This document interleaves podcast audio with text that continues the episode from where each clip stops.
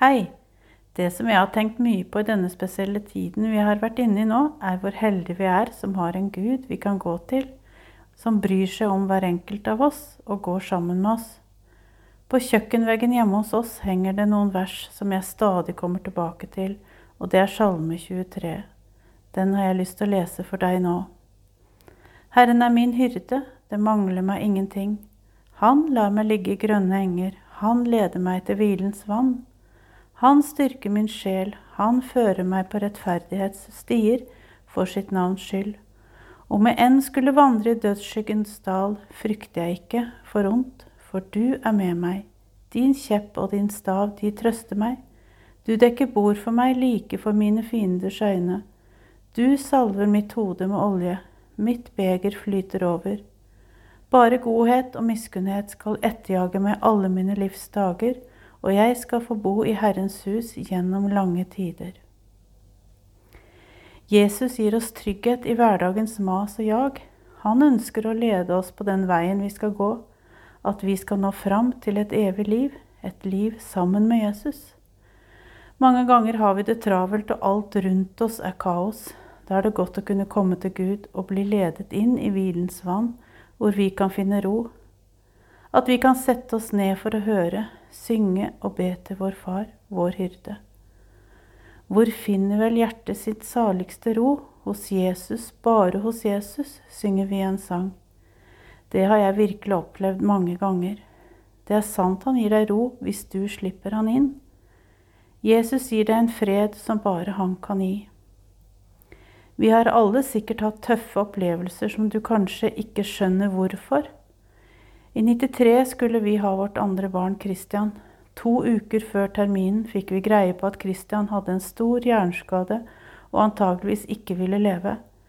Hva gjør en sånn beskjed med deg? Jeg ble lei meg, sint. Hvorfor oss, Gud? Da vi ble lagt inn på Ullevål sykehus, så hadde vi en ro som bare Jesus kunne ha gitt oss. Kan ikke forklare det på en annen måte enn at vi ble båret på bønnens vinger. Mange ba for oss. Vi hadde en hyrde som brydde seg om oss, som var der midt i kampen. Han visste hva vi trengte da Christian ble lagt i respirator mens de tok undersøkelser, og da, når de koblet ham fra, for å, for å så sovne rolig inn noen timer senere i mine armer.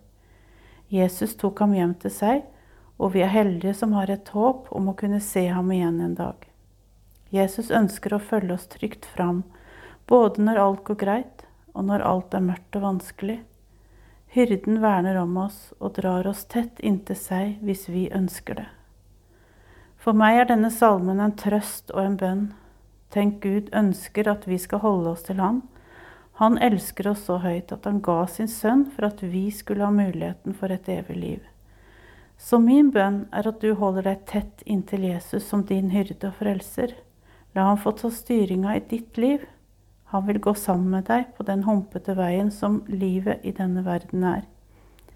Jesus lever, og han venter på oss. Han står med åpne armer og sier, Kom til meg, alle som strever av tungt å bære, og jeg vil gi dere hvile. Matteus 11, 28. Så kan vi si som det står i sangen.